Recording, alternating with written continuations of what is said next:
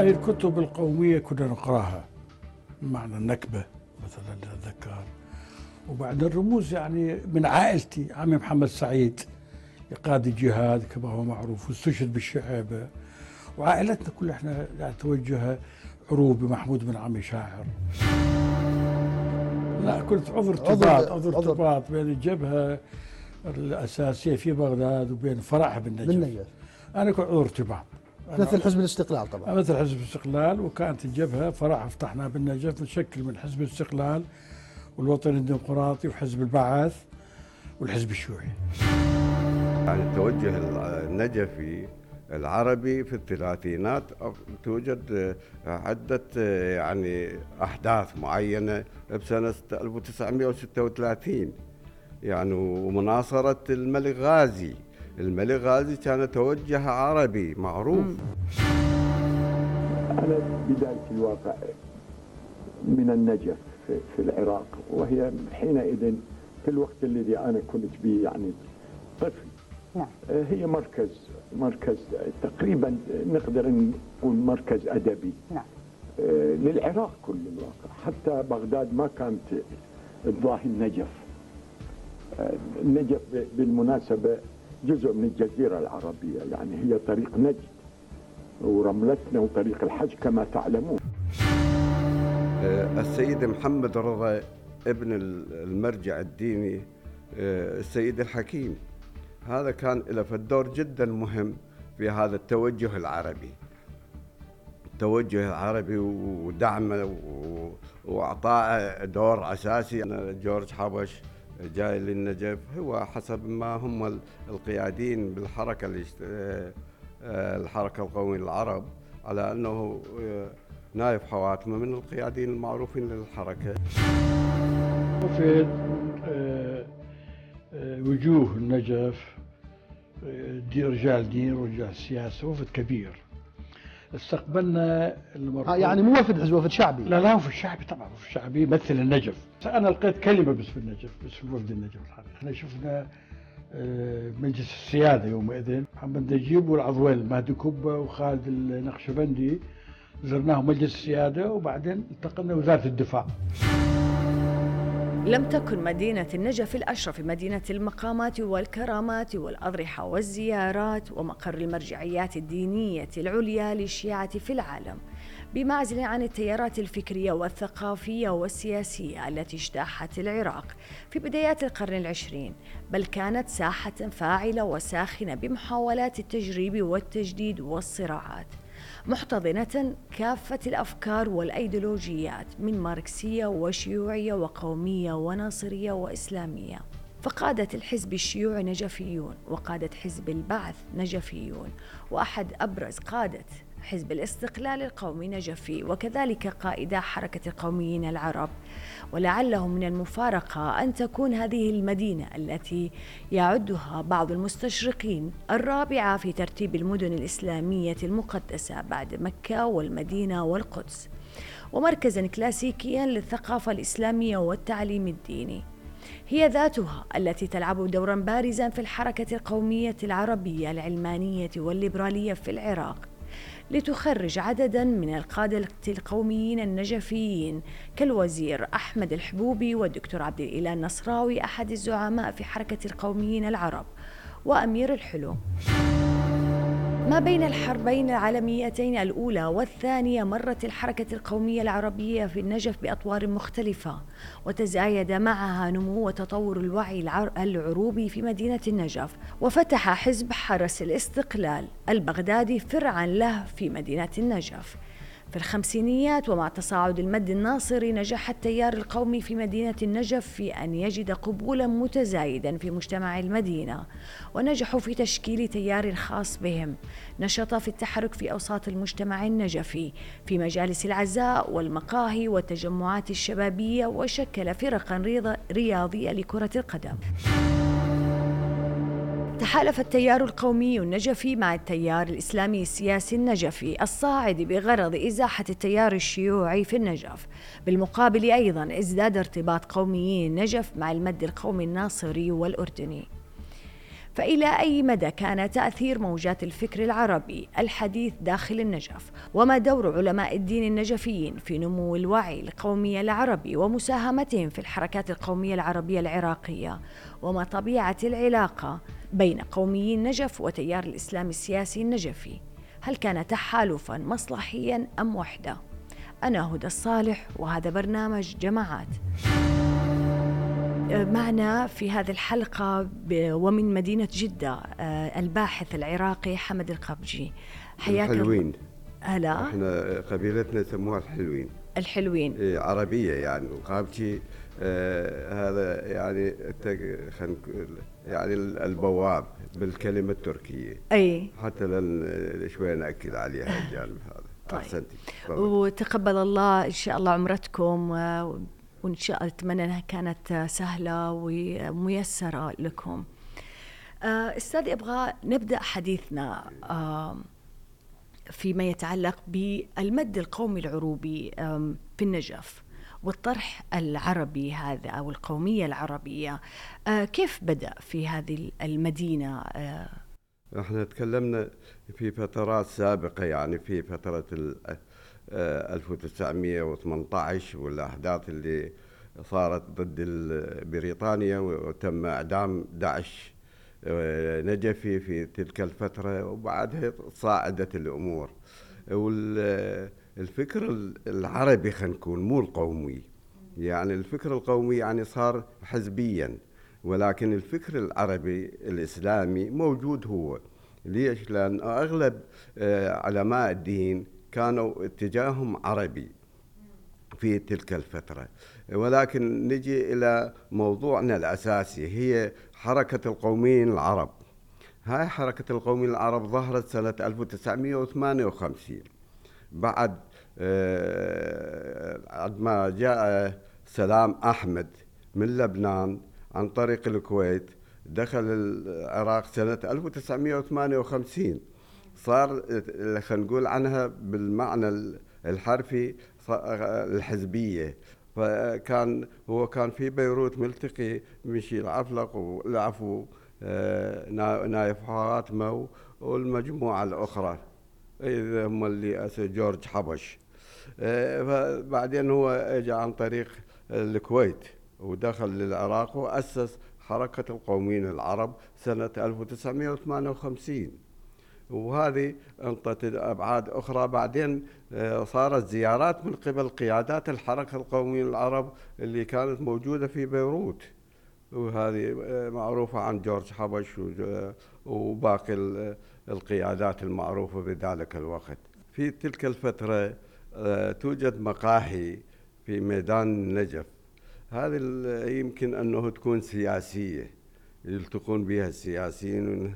فالدولة على أنه من الناحية أن جورج حبش جاي للنجف هو حسب ما هم القيادين بالحركة آه، الحركة القومية العرب على أنه آه، نايف حواتمة من القيادين المعروفين للحركة زار النجف للاطلاع على توجه أو النشاطات اللي كانت موجودة بالنسبة للقوميين العرب.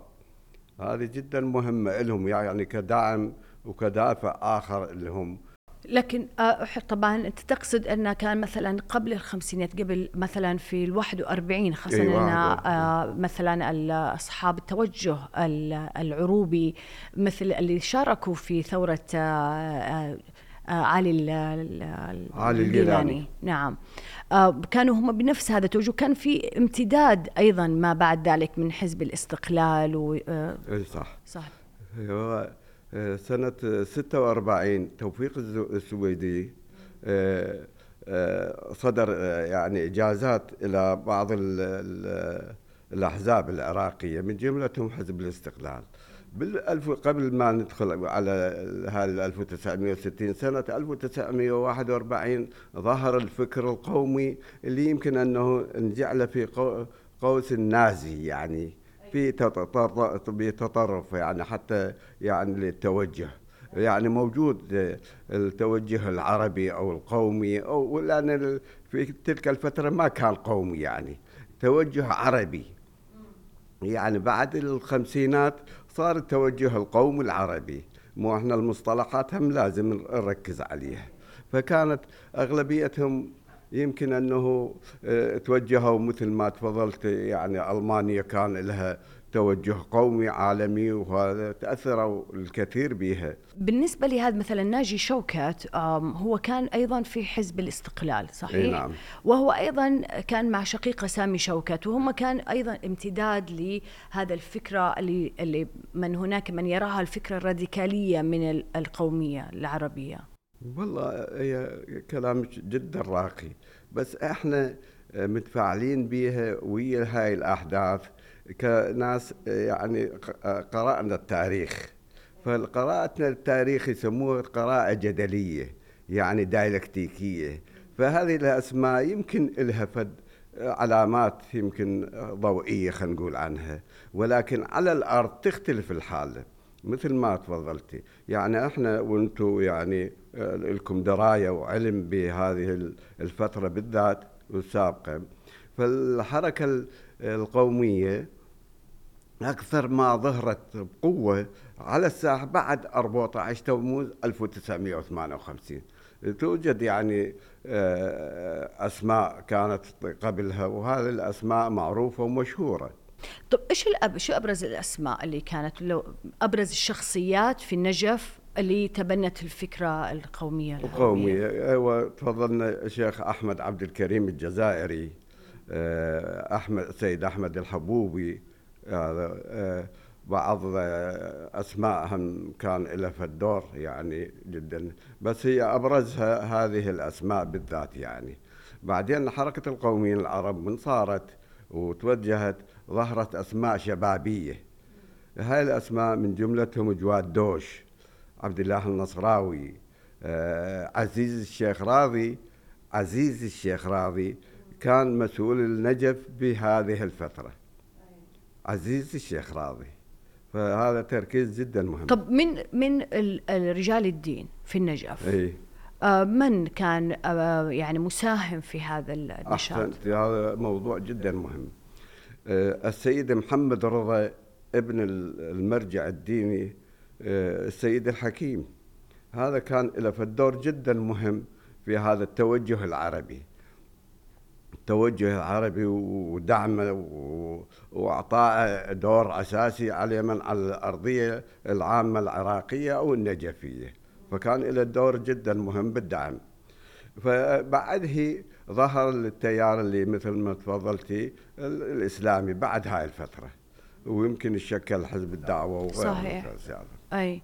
وتشكلت أحزاب. هل أصبح يزاحم الإسلاميين أو الإسلام السياسي الحركة القومية في هذا؟ وهذا بعد هاي الفترة بعد بعد 63 بعد هذا الصراع اللي حدث أغلبيتها ظهرت بعد 1965 بدأت صراع بين لأنه كان صراع يمكن أنه كان التوجه العربي والإسلامي ضد من؟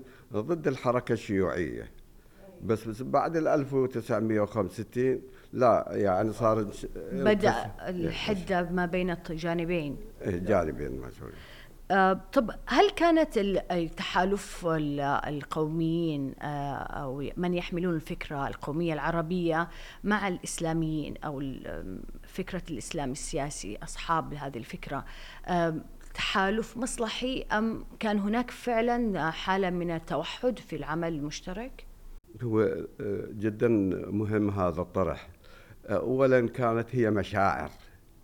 ليش هناك قضية تتعلق بالمصالح؟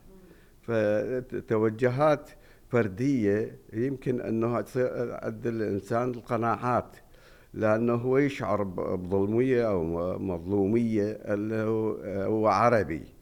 التوجهات الخارجية يعني توجهت ضد من؟ ضد هاي الفترة. لكن لكن هي استاذي إنه آه الفكرة القومية آه أو العروبيين هم يعني متعارضين مع الفكرة الإسلاميين أو أصحاب فكره الاسلام السياسي لأن ذول يبحثوا عن حكومة إسلامية وذول آه مغايرين تماما للفكرة الفكرة الإسلامية. وأيضا يعني بيحملوا الفكرة الليبرالية والعلمانية يعني. فالبعض بيشوف إنها كانت مكاسب معينة ما بين الطرفين يعني من القوميين يحملوا القوميين العربيين وأيضا من الإسلاميين. إيه، هذه الوضعية خاصة السياسية أغلبها بعد السبعينات حدثت. صارت بشكل معين يعني خاصة في الحكومات اللي متعاقبة. وظهرت بعض القضايا الصراعات اللي انعرفت من خلالها. فهذه يعني الدولة دخلت أو الحكومات جعلت الفكر يعني دائما يكون تابع علما للحالة اللي طارئة اللي كانت موجودة في ذلك الوقت. يعني إحنا نقراها من الناحية الفكرية أو الفلسفية. يعني هذه كانت ما موجودة بالشكل المطروح فيها في وقتها. هي بس إن لأن سامحنا مقاطعتك أن كان فكرة القومية لما تمايزت أو ابتعدت عن موضوع تطبيق الشريعة والحكم الإسلامي وذا. فشافت أن هذا النسق بيبعدها عن الحاضنات في الأوساط المجتمعية أو الشعبية. فطبعا حضرتك تعرف كيف أنهم مثلا ميشيل عفلق وقبله بدأوا يستخدموا وأيضا قسطنطين زريق بدأوا يستخدموا مفردات الإسلام والعروبة مع بعضها. فهل هذه النقطة هي اللي قربت شوي ما بين القوميين العربيين وما بين آه، أصحاب فكرة الإسلام السياسي؟ هو مثلا كان يعني دائما يعني مشي العفلق أو غيره من هذا كان توجههم عربي معروف هاي. لو كان العرب محمد أو محمد كل العرب يعني هذا مصطلح معروف ومشهور بها. فهي هذه جدا قلت لك آه، يمكن إحنا بينا بالبداية. التحرك السياسي له مؤثرات على الأحزاب أو الأحزاب مؤثراتها على من؟ على السياسة القائمة في ذلك الوقت. لأنه التوجه كان في حالة صراع خاصة بعد السبعينات يعني. فهذه الحالة آه، أثرت واعطت أبعاد جديدة وحديثة عن عن الحركة القومية ويمكن الحركة القومية دخلت الحزبية. فيمكن شوي ابتعدت عن الشعور القومي. أنت بديت بالنسبة للشعور القومي اللي كان موجود في الأربعينات أو بالخمسينات. فدخلت الوضعية الحديثة أو الجديدة هذا المفهوم الحزبي أخذت نقول عنه الشعور القومي لها في حالة آه، تصنيفه أو تثقيفه إلى اتجاه معين حزبي. غير اللي كان موجود مثلا بالخمسينات. أي كشعور عام تقريبا. شعور عام يعني كنا إحنا آه، عفويا آه، متفاعلين ويا من ويا الشعور القومي. يعني كنا نتباهى أنه إحنا قوميين. بس بهاي الفترات هذا صارت الحزبية. اكو مفارقة خلينا نكون واقعيين هنا. الحزبية هي أخذت القومية ولكن هي كانت القومية شعور قومي عام. يعني كل عربي موجود في النجف في الناصرية في مناطق مناطق أخرى غير القضايا اللي حثت في السبعينات. هذا توجه حزبي إيش تذكر لي حضرتك؟ هل شاركت مثلا بمظاهرات آه. باعتصامات لقوميين؟ أحسن. فكرة اللي يعني تعزيز أو أي. فكرة القومية العربية في إيه، احسنتي إحنا في 24 11 سنة 1056 الأحداث اللي صارت عن العدوان الثلاثي على مصر. هذه إحنا اشتركنا كنا آه، في متوسطة الخورنق في النجف. اشتركنا بتظاهرات وصارت أحداث يعني رمي رصاص صار وضعيه اختلفت الحالات. بعد ال 58 بعد ظهور الجمهورية صار الصراع بين من بين القوميين والشيوعيين. فتعرضنا إلى اعتقالات مرتين يعني. أي كم أي. كم مدة القضية أسبوعين ثلاث أسابيع الحالة هذه. يعني مو طويلة. فهي هذه لأنه إحنا كنا طلاب في ذلك الوقت. يعني هل كان في مرجعيات دينية تشجعكم في هذا هاي الفترة كان التوجه والتشجيع قومي.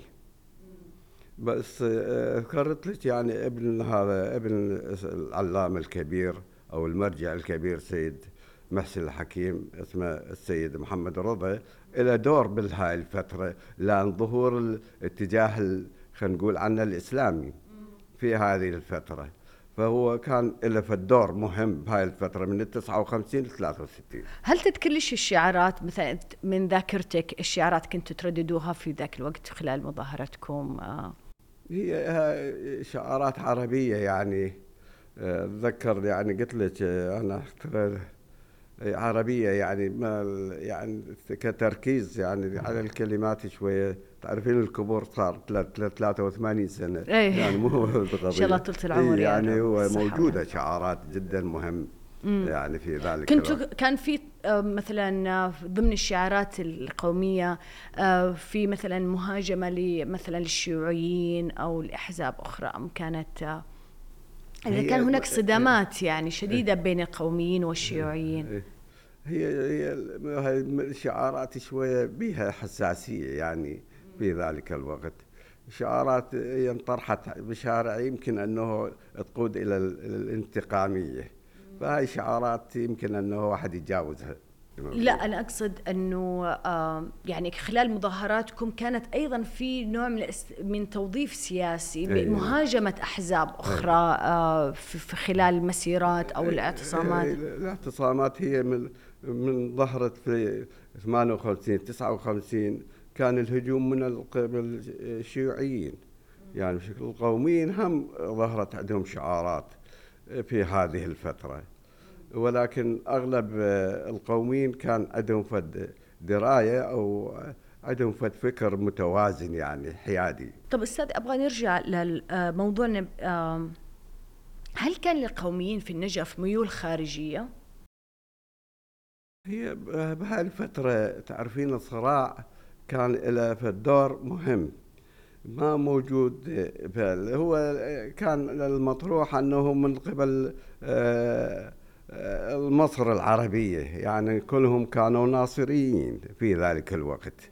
يعني كلهم آه، جمال عبد الناصر والفترة وهو كان له دور جدا مهم. من من ال 56 إلى فترة السبع آه، خلينا نقول نهاية الستينات. يعني كان وبقت الحركة القومية العرب ظلت مع الاتجاه الناصري. إي هذه جدا مهمة. أحسنت على هذه الوضعية تركزت عليها والباقي الحركات لا استقلت بالفكر. إي هذه مثلا الحركة الاشتراكية العربية مثلا. إي هذه هذه كانت القومية العرب شعارها وحدة وتحرر وثار. حركة القومية العرب شعارها وأهدافها وحدة وتحرر وثار. لأن هي كانت توجهها فلسطيني. وحدة وتحرر وثأر. إي ثار. إي هذه كان توجه شنو؟ فلسطيني يعني هو حول الاتجاه العربي اللي مطلوب كان في ذلك الوقت. أي أستاذ أبغى اسالك كان في في النجف ظهرت تشكلات كانت يعني ضمن الفكرة القومية العربية مثلا منها منظمة الشباب القومي ومكتبة الشباب القومي عندنا جمعية الأهالي وعندنا حزب البعث فكلها كانت تجمعها وجود الرابطة المشتركة القومية العربية والمناداة بالوحدة العربية. لو بإيجاز تحكي لي عن النشاط هذا وحجم التلاقي ما بين هذا وش وش التباينات بين هذه كل التشكلات؟ أحسنت أحسنت. هي هي مراحل يعني حسب خلينا نقول عنها الأحقاب اللي مرت بها الحركة القومية. يعني كانت العربية يعني في الأربعينات لها في الدور متأثرة في الفكر النازي خلينا نكون واضحين. بس بعد الخمسينات يعني وظهور جمال عبد الناصر اختلف الفكر العربي أو القومي وظهرت آه، الحركات الأخرى لأنه كانت آه، الفكر متأثر بمن بحزب الاستقلال. بعد آه، الخمسينات ظهر مثل ما تفضلت حزب البعث ب 58 ظهر الحركة القومية العرب عن طريق سلام أحمد اللي اجى هو أسس آه، الحركة بالذات. بعدها ظهر حزب العرب الاشتراكي. حزب العرب الاشتراكي انشق عن حزب الاستقلال سنة 1960 فهذه كلها حركات وأحزاب شنو قومية. وأعطت فكر جديد يعني حسب المراحل يعني ما بقت آه، على وضع خاص يعني مثل ما كان سابقا. كل من هناك كان في توجهين كان وطبعا كان وقت مبكر شوي أن كان في من القوميين آه، من آه، بالذات مع الإصلاحيين الإسلاميين. كان هناك مثل محمد عبدو جمال الدين الأفغاني رشيد رضا كان في مجموعات صح كان في مجموعات من القوميين أصحاب الفكرة القومية العربية قبل ما نتكلم إحنا تتطور إلى أحزاب سياسية. ذهبوا مع هذا المنحى اللي هي المزاوجة ما بين العروبة والإسلام. وهناك تيار آخر من القوميين اللي كانوا يروا الفكرة العلمانية أكثر والليبرالية أكثر. هل كان هذا النسق في النجف؟ هي هاي مصطلحات حديثة. يعني ما نقدر نعكس هاي مثلا العلمانية ما كانت موجودة في تلك الفترة. يعني إحنا من نتكلم عن التاريخ نستعمل المفردات اللي كانت موجودة في ذلك الوقت. يعني في زمن مثلا آه، هو الأفغاني أو غيره يعني ما كانت مصطلحات مثل ما تفضلت العلمانية وهذا. ولكن كان آه، الدولة العثمانية الدولة العثمانية عندها توجه يمكن أن يكون مثل ما نقول عن العرب أو الناس اللي هم العراقيين بالذات لهم في التوجه يريدون الاستقلال. صحيح. وهذا كان مثلا جمال الدين الأفغاني يرى ومجموعته من الإسلاميين آه، بالذات من مصر كانوا يروا أنه البقاء تحت فيدرالية عثمانية. لكن مغاير لتيار آخر قومي آه، آه، عربي كان يرى لا الاستقلال التام سواء من العثمانية أو من الإنجليز أو آه أحسنت. إحنا المصطلحات ما أركز على المصطلح وحسب الظرف. يعني هذه المصطلحات اللي تتكلمين عنها ما كانت موجودة في حاضرهم. فمثلا من إيه هذه جدا مهمة. لأن أنا أكتب التاريخ. فأكون أنا أكون حذر بهالمصطلحات. بالنسبة في في داخل النجف آه، كان هناك تيارين. وإذا صحح لي إذا كنت مخطئة من كان يذهب مع فكر آه، رأي الإسلاميين الإصلاحيين في آه، مثل جمال الدين الأفغاني محمد رشيد رضا وغيرهم بأن البقاء أنت يعني تأخذ حريتها الأقطار العربية ولكن تبقى تحت فيدرالية عثمانية. وهناك رأي آخر من قوميين عرب أنهم كانوا يرفضوا بشدة هذا المنحى ويصروا على الاستقلال التام. بكيان مستقل تماما عن سواء عن كدولة عثمانية أو غيرها مثلا بعيدا عن ال ال الانتداب أو الاحتلال أو الاستعمار الفرنسي والإنجليزي. في هاي الفترة بالذات يعني كان الاتجاه بدايات الفكر حول الاستقلال عن الدولة العثمانية بشكل عام يعني. زين من اللي دافعها؟ دافعها هو هذا العربي الإسلامي. في ذلك الوقت لأنه ما كانت أحزاب أو منظمات معروفة ومشهورة في ذلك الوقت. فهذا التوجه الإعلامي يمكن أنه من خلال آه توجد هنالك مجلات توصل للنجف كانت مهمة. عن طريق هي هذه مثلا سوريا أو العرب. فهذه اللي القضايا يمكن أنه تكون إخبارية. فهذه تأثرت وأثرت في الواقع الاجتماعي النجفي. فكان التوجه العام هذا التوجه هو كان له في الدور بالعشرينات بعد ظهور الدولة أو الدولة الملكية. فأخذت أكثر ليش لأنه التوجه الملكي كان عربي. فتقريبا هذا التوجه اللي كان موجود الإسلامي مثل ما تفضلتي كان قبل هاي الفترة. كانت تعرفين كل فترة لها شعاراتها وإلى أفكارها وإلى توجهاتها. في هذه الطرح اللي تكلمتي عنها وهذا جدا مهم. هاي انتهت في العشرينات من القرن العشرين. هل كانت الأيديولوجيا القومية العربية متوافقة مع أفكار أغلبية العراقيين. وأنا طبعا بتحدث عن مثلا أو بخص بالذكر الطائفة الشيعية. هذه الأيديولوجية ما ظهرت كمصطلح يعني. ظهرت هاي في الستينات بس هم نرجع لها. ظهور مثلا حزب البعث صارت عندها أيديولوجية. حركة القوميين العرب صارت يعني حالة قبلهم أستاذ. قبل ما قبلهم يعني وقت آه مثلا الضباط الأربعة أو المربع الذهبي صلاح الدين الصباغ ساطع الحصري قسطين زريق آه كيف كانت ترى الطائفة الشيعية؟ هل كانت يعني يعني تتوجس من هذه آه الفكرة القومية العربية؟ هل كانت غريبة عنها أم؟ هو توجه العرب قبل هذول الفترة. يعني التوجه النجفي العربي في الثلاثينات توجد عدة يعني أحداث معينة بسنة 1936 يعني ومناصرة الملك غازي. الملك غازي كان توجه عربي معروف بذلك الوقت. فكانت النجف من المؤيدين للتوجه العربي. كان في ذلك الوقت. وكان خلينا نكون وأنا ده شوية دقيق بالنسبة لاستعمال المصطلح. يعني كانت في سنة 1930 ظهر التوجه العربي جدا قوي في الثلاثينات. يعني قبل آه، ساطع الحصري. ساطع الحصري. صحيح. بس خلينا نتجاوز هذه النقطة سواء إيه؟ يعني هذه الفترة أو قبلها. آه كيف كانت ترى الطائفة الشيعية؟ هل كانت غريبة عن هذه هل كانت تتوجس من فكرة القومية العربية؟ اولا الطائفة الشيعية إجت إجت من الناحية العربية توجه عربي حتى يعني أدبياتها عربية ومهمة وأساسية لأنه ظهرت شخصيات معروفة في ذلك الوقت. ويمكن ذكرناها يعني سنة 1918 كان توجه عربي ضد البريطانيين أو الإنجليز.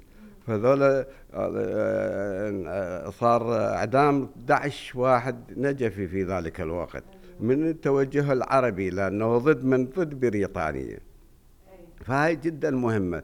بس على الأرض الفكر الفكر دائما متوجه من إلى العربية. يعني هو ليش مثلا ضد بريطانيا لأنه أكو توجه عربي. توجه يريد يستقل يريد العراق أن يكون عربي في ذلك الوقت. فبعدين الأحداث اللي صارت في هذه الفترة اختلفت الوضعية. كان هناك تقسيم ما بين قوميين سنة قوميين شيعة؟ لا هذه هي المشكلة جدا مهمة لأنه ما كانت هاي العنصرية أو الطائفية ما موجودة أصلا للتالي. ليش؟ لأنه مثلا أغلب القادة خلينا نكون واقعيين. أغلب القادة من الأحزاب العربية أنا ما أريد أذكر لك الأسماء أشوفهم من الناصرية. فؤاد الركابي وغيرهم من النجف معروفين. فذولا كلهم هم اقطاب بالنسبة للأحزاب العربية. فما كان هاي جدا والموصل. الموصل أغلبيتهم من هذه التسمية اللي تقولين عنها. حتى أنا التسميه أحاول أتجاوزها. لأنه إحنا عراقيين عرب. يعني دائما خلي يكون واقعنا هو عربي. يعني ما أستعمل هاي الكلمات أو المفردات اللي تقودنا إلى القضايا الأخرى اللي نسميها الطائفية. أي لكن هي لأنها هي استاذي مطروحة في أدبيات البعض مؤرخين. يعني أنا عندي كتاب آه، دكتور فؤاد جابر كاظم النجف والحكم الملكي. وكان يتحدث يعني يعتب مثلا يرى أن ساطع الحصري كان يعني متحيز ضد الطائفة الشيعية. كان يرى بعض أن هناك مظلومية من الطائفة الشيعية من التيار القومي آه، إلى أي مدى هذا الصوت كان منتشر؟ أم أنه صوت قليل يعني؟ سيدتي أنت أستاذة ومعروفة وعندك قراءات. أنا كباحث إذا القضايا أنا أصورها كإنسان مفكر يعني هاي كمرحلة. فما كان نبني عليها إحنا حاليا على أنه ساطع الحصري. ويمكن أنه علامات استفهام كبيرة على هذه الفترة. وحتى على الكاتب السال حاليا ذكرتها إنه نضع علامات استفهام. شنو اللي وصل لها شنو النتائج اللي ترتبت عليها؟ فنشوف ماكو نتائج. يعني في قضيه توجه يمكن أن يكون طائفي. أنا هاي ما أستعملها. أستعمل القضايا اللي حدثت كتفكير. من من من منظورك؟ من منظور حضرتك. هل تشوف مثلا ساطع الحصري قصة طين زريق كانوا بعيدين كت... ك... يعني خاصة إحنا نتكلم عن رواد للفكرة العربية. بعيدين عن الطائفية في هذا الإطار؟ والله خل شوي أهم خل نركز أولا يعني هاي الفترة وساطع الحصري أو غيره يعني تعرفين آه، الحكومات كل حكومة تخلق حالة جديدة. ويعني من أعوانها من توجهاتها من صحفيين من مفكرين أو القريبين. فذولا دائما يكتبون عن من عن الفترة. بتوجيه حكومي. فهذا يمكن أنه تكون فد لها فد علاقة بمن؟ بالسياسة اللي كانت مطروحة في ذلك الوقت. بس بالوقت الحاضر عندنا قناعاتنا الخاصة. إيش قناعاتك في هذا الإطار؟ ها؟ قناعاتك في هذا الإطار أنا؟ كل كل فترة عندي قناعات أنه كل مرحلة لها ظروفها الخاصة. فظروفها اللي خلقت ساطع الحصري مثلا بالأربعينات. كان مثلا آه، حزب البعث أو غيره أو الحركات هم خلقت في الخمسينات ولها الفترات كلها آه، أنطت أسماء جديدة. فهذه ما بقت على الفكر اللي بها فلان أو ساطع الحصر أو غيره. يعني لو بنتكلم آه، بعيدا عن التحولات كطرح ساطع الحصري في ذاك الوقت في ذاك الزمن قصة زريق هل كان هناك نفس طائفي؟ أم أنها كان يعني كانوا بريئين من هذه التهمة؟ أنا وجهة يعني نظرك؟ أحسنت جدا رائع. إحنا نشوف الكاتب اللي كتب عن القاطع الحصري. هذا الكاتب شنو وجهة نظره؟ أنا أعرف أنه هذا عنده تفكير معين لأنه هو طرح فكر منه ساطع الحصري. بس ما اجينا إلى ساطع الحصري هو كاتب عن هذا الموضوع. ما ما ما لقينا أنه هو اتكلم عن الطائفية. عامة أستاذ بالنسبة لحزب الاستقلال هو أي. كان متنوع طائفيا صحيح؟ يعني هو ال ال في النجف. هو مهدي العفو هو الم آه شوي أنا مهدي كبة؟ إيه، مهدي كبة. هو نجفي. امم صحيح. وهذا اللي المصطلح تقولين مثلا شيعة وهذا اللي أنا أتجاوزهن.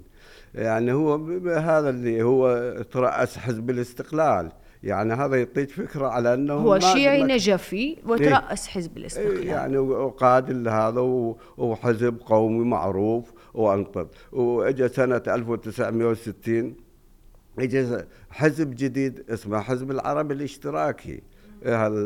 كان السيد أحمد الحبوبي مجموعة معروفين هم نجفيين. فكان التوجه عربي بوقت القضايا اللي حدثت بعد هاي الفترة لأنه دخلت الأحزاب القومية بالحكم اختلفت الحالة. أي. هل تعرضت قصة الاتجاه القومي العربي الشيعي للتهميش؟ وهل كان دور التيار الإسلامي السياسي له دور في هذا الجانب؟ أولا اصطلاح القومي الشيعي ما كان موجود. هذا مصطلح آخر يعني إحنا نكون من نقول قومي نتجاوز هاي التسميات. العفو ولو لا معك حق معك حق. لكن سامحني إني أنا أقولها ويعني يعني آه نتجرد شوي إيه؟ ونشوف يعني بالفهم العام عرفت. أحسنت. فنجي إلى الجانب السياسي يعني خلينا نكون شوية التسمية تكون الجانب السياسي دخلت الطائفية. في زمن مثلا السبعينات. دخلت وصار يعني الاتجاه الآخر اللي تتكلمين عنه لأن أنا دائما أبتعد عن التسميات. هي التسميات أنا بالنسبة لي مهمة جدا يعني بالنسبة لي هواك يعني. أي إنه مثلا الإسلام السياسي هل آه، أفقد يعني آه، هل كان السبب في أن يهمش دور آه، الشيعي في القومية العربية؟ هي صح. إحنا خلينا نكون من سنة 1930 63 العفو. هذه ظهرت هاي الحالة. وظهر آه، خلينا نكون هم آه، تحاولين انه توصلني إلى أنا مصطلحات حزب الدعوة ظهر في هاي الفترة أكثر. فهذه الحالة بدأت الانقسامات تظهر بالشارع فهذه أكثر شيء بعد ال 1968 و70 بعد آه، حاله يمكن أنه يتكلموا عن أنه صارت إعدامات سنة 1974 لا أنا أريد أتجاوز عن هاي الشغلات. في سنة 1979 الانشقاق كبر. مو هو توجه الدولة وليس بين السنة أو الشيعة. الدولة كانت لها أغراضها السياسية, سياسية دخلت هذه الحالة حتى شنو تتخلص من الانقسامات اللي موجودة عندها. لأن أنا شوية عندي فكر سياسي اجتماعي يعني أعرف هاي ليش الدولة دخلت هنا. وظروف خارجية أيضا يعني دول مجاوره كان أحسنتي لأن جدا الظروف الخارجية لها دور جدا مهم. يعني ما ننفصل ولهذا إحنا نتكلم عن موضوع آخر. إلى أي مدى كانت آه، رؤية آه، أو صياغة وتشكل القوميين العرب في النجف تعود إلى آه، توتر عرقي في هذه المدينة من آه، ما بين المجموعات العربية ومجموعات من الفارسية في المدينة. ذكرتيني جدا مهم هذا مطروح أتذكر آه، أحد يعني أصدقائي المعروفين اسمه كاظم الساعاتي. هذا لازم ينذكر. هذا الرجل بالسبعينات أبعدوه يعني شو يسموه هي طريقة يعني هذا اسم بنت عروبة. شوف يعني وسفروا إلى جهل. يعني كان هم ذول اللي إحنا سنتكلم عنهم يعني وتوجهات اللي يمكن أنه إلى يعني الحاله اللي كانت قائمة بالنجف. أغلب اللي يأتون من الجانب خلينا نقول الآخر. فكان من يتفاعل. أما يصير شيوعي أو يصير عربي. يعني الشيوعي والعربي نفس الشيء حتى الشيوعيين العرب هم عرب يعني. فكان تفاعل بالنسبة لهذا. يعني شو ذول اللي سفروهم خلينا نقول عنه يعني أحدهم هذا معروف أنه آه، اسم بالتعروبة. شلون سفروه؟ يعني أكو يعني فد ملاحظة يعني هذه جدا مهمة بس كان بالنجاح. كان هناك توتر آه، أستاذ حمد من بعض مثلا الكتابات المؤرخين ما بين أن بدأ هجرات كبيرة تأتي من آه، بلاد فارس وأصبحت تزاحم العرب و أيضا يعني حتى شوي كانت اللغة والهوية بدأ هناك خوف على هذا آه، بالنسبة للموضوع اللي هو الهجرة وغيرها كانت الحكومات السابقة يعني جدا حساسة من هذا الموضوع. يعني إلا في حالة التجاوزات اللي يعني قضايا اللي كانت تجي عن طريق رسمة ما موجودة. كانت الهجرة تجي خفية يعني. يعني ما عندهم آه، قضايا رسمية. ويلتحقون بهذه. اللي معروف المجتمع النجفي بالدرجة العام أنه مجتمع عربي؟ وهذا جدا مهم. واللي تفضلت به هذه ما موجودة إلا عند المهاجرين الغير شرعيين. غير شرعيين. ما عندنا بالنجف صار مهاجرين شرعيين. يعني هذه إيش تقصد في هذا؟ ها؟ إيش تقصد في هذا؟ أقصد أنه فقط اللي يجون للنجف هم طلبة يجون يدرسون. هذول هم يعني اتجاههم يجي يدرس آه، الدين يعني الإسلامي. يعني هذا التوجه المعروف بالنسبة للنجف. عندهم مدارس معروفة ومشهورة. فهذا هو الموضوع المهم في النجف. أغلب اللي يأتون للنجف من أجل الدراسة للعلم للطلبة. طب أستاذ هل أهملت الحوزة الدينية أو الحوزة النجفية آه ورجال الدين مواجهة المد القومي؟ هذه ظهرت بالبعد 1963 لأن صار اتجاه حزبي فكان شعور عام لا ما ظاهر كان بس بعد ال 69 وظهر حزب الدعوة وظهرت هذه فصار الصراع بين القومي وبين الاسلامي. إيه هذه هل تأثر الإسلاميون السياسيون بأن يكون عالم الدين آه، أو المرجعية عربي في ظل تصاعد المد القومي في النجف؟ بشكل عام كان التوجه هو عربي لأنه أغلب المعروفين من الكبار يعني الشيخ عبد الكريم الجزائري هذا كان توجه عربي معروف سياسيا. الشيخ آه، محمد جواد الجزائري عالم معروف. هذا أصدرت بريطانيا حكم الإعدام عليه سنة 1900 ولكن تدخل الشيخ خزعل الشيخ آه، المحمرة أنه أنقذه لأنه كان له دور عربي. ضد بريطانيا وبالذات يعني الموقف كان في سنة 1918 كانت النجف ثائرة ضد الإنجليز. فكان أغلب رجال العلم خلينا نكون نتجاوز كلمة رجال الدين أغلب رجال العلم مع التحرر مع لأنه الفكر موجود العقل موجود السياسي الاجتماعي الإسلام موجود من تلك الفترة. هل تذكر لي وبإيجاز كيف بدأ الالتقاء بالبداية بين القوميين وبين الإسلاميين أو الإسلام السياسي أو شخصيات رموز الإسلام السياسي؟ هي بسنة 1959 في زمن الزعيم عبد الكريم قاسم ظهر التوجه الإسلامي.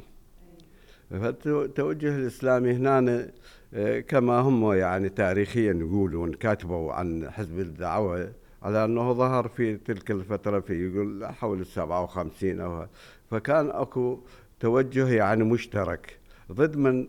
ضد آه، عبد الكريم قاسم بالذات الزعيم عبد الكريم قاسم وأخذ في الدور مهم في تلك الفترة أنه الإسلاميين والقوميين ضد من؟ ضد اليسارية أو الحزب الشيوعي بالذات في هذه الفترة. بدأ الصراع بالشارع. يعني كان أكبر يعني حتى بعض الأحيان وصلت إلى حالات دموية في تلك الفترة.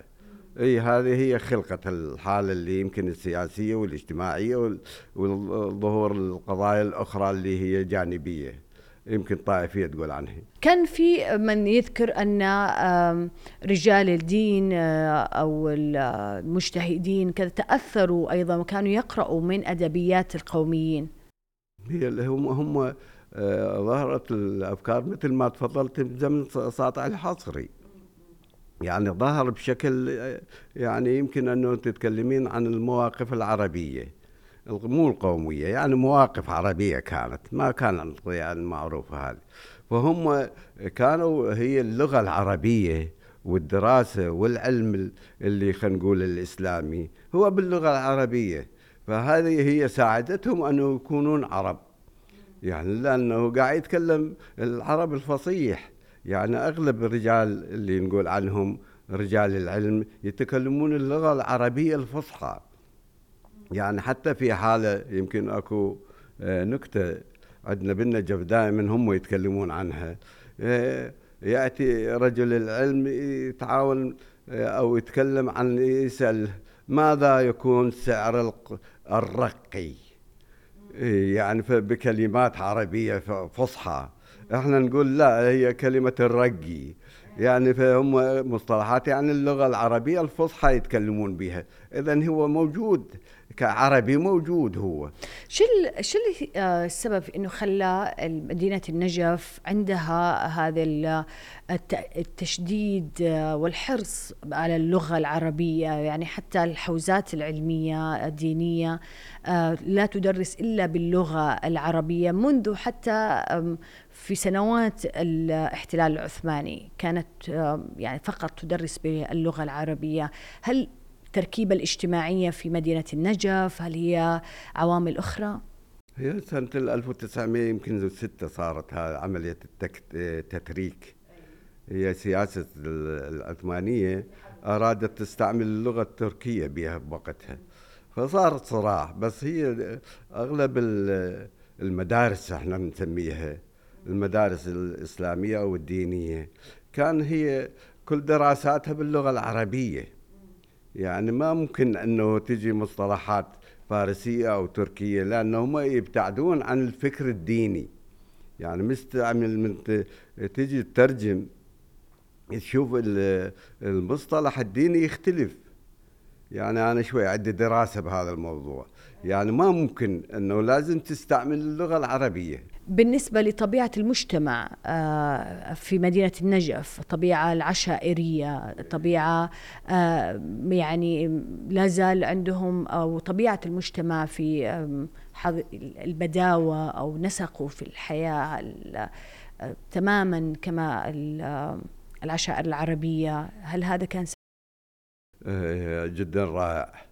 لأنه النجف محلات. محلة المشراق محلة العمارة محلة الحويش محلة أغلب هاي المحلات كانت تتعامل ويا البادية. فكانت البداوة موجودة من خلال من الناحية التجارية. فأغلب العشائر اللي بالنجف هي كانت في هذا التوجه العربي في هذه الفترات السابقة يعني. هو بتركيبته الاجتماعية هو عربي.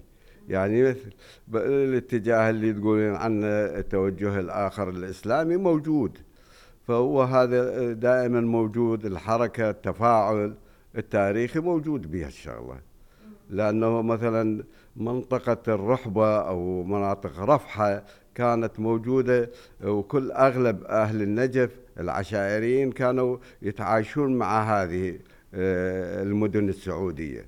هل هل زهو النجف بشخصيتها العربية؟ آه لو بتقارنوا بالأمس آه البعيد والأمس الأقرب وإلى اليوم كيف تشوف؟ هل لا زال كما هو؟ هي يعني بالنسبة لهذا التطور أو هذا التحرك أو هذا التحول خلينا نكون واقع يعني التأثير السياسي الخارجي والداخلي أخذ ابن العراق إلى الاتجاهات اللي تتكلمين عنها. ولكن هو وضعيته العامة هو عربي. مهما يكون اتجاهه حاليا موجود عدة اتجاهات. بس لما تجين يعني الفكر حالة يمكن حالة طارئة. بس من الناحية الاجتماعية واقتصادية هو موجود عربي. هل هل ضعفت الفكرة القومية العربية في النجف؟ اي هذه صح هذه جدا راقية. هذا طرحك لأنه حاليا آه، أغلب الفترة هذه ضد هذا الطرح القومي العربي ما موجود. يعني يمكن يعني حتى حاليا طروحاتنا يمكن بعض جماعتنا أخوتنا يعني يشوفون إنه هذا آه، مو محل إنه تتكلم عن العروبه وتتكلم عن القومية هذا جدا راغي. يعني وإحنا طبعا نتكلم ك... ك... نتكلم عن الشعور الوطني العربي يعني آه وليس باطاره الحزبي أو التنظيمي يعني. هو من الناحية الايديولوجيه موجودة هذه. يعني ما ممكن تفصلين من الناحية الوطنية والفكرية والحزبية. فهي كلها متفاعلة. بس قلت لك هاي الفترة العشرين هذه ابتعدت كليا عن التفكير القومي. إي هذه جدا مهمة. احسنتي على هذا التوصيف. طيب تسمح لي أستاذ حمد أختم معك حلقتنا. آه وأقول هنا النجف منذ أن نشأت كانت مركزا للأدب والعلم الذي يدرس باللغة العربية. فهل انتصرت الجينات العربية للنجف على الجينات غير الطبيعية فيها؟ هذا جماعات وأنا هدى الصالح.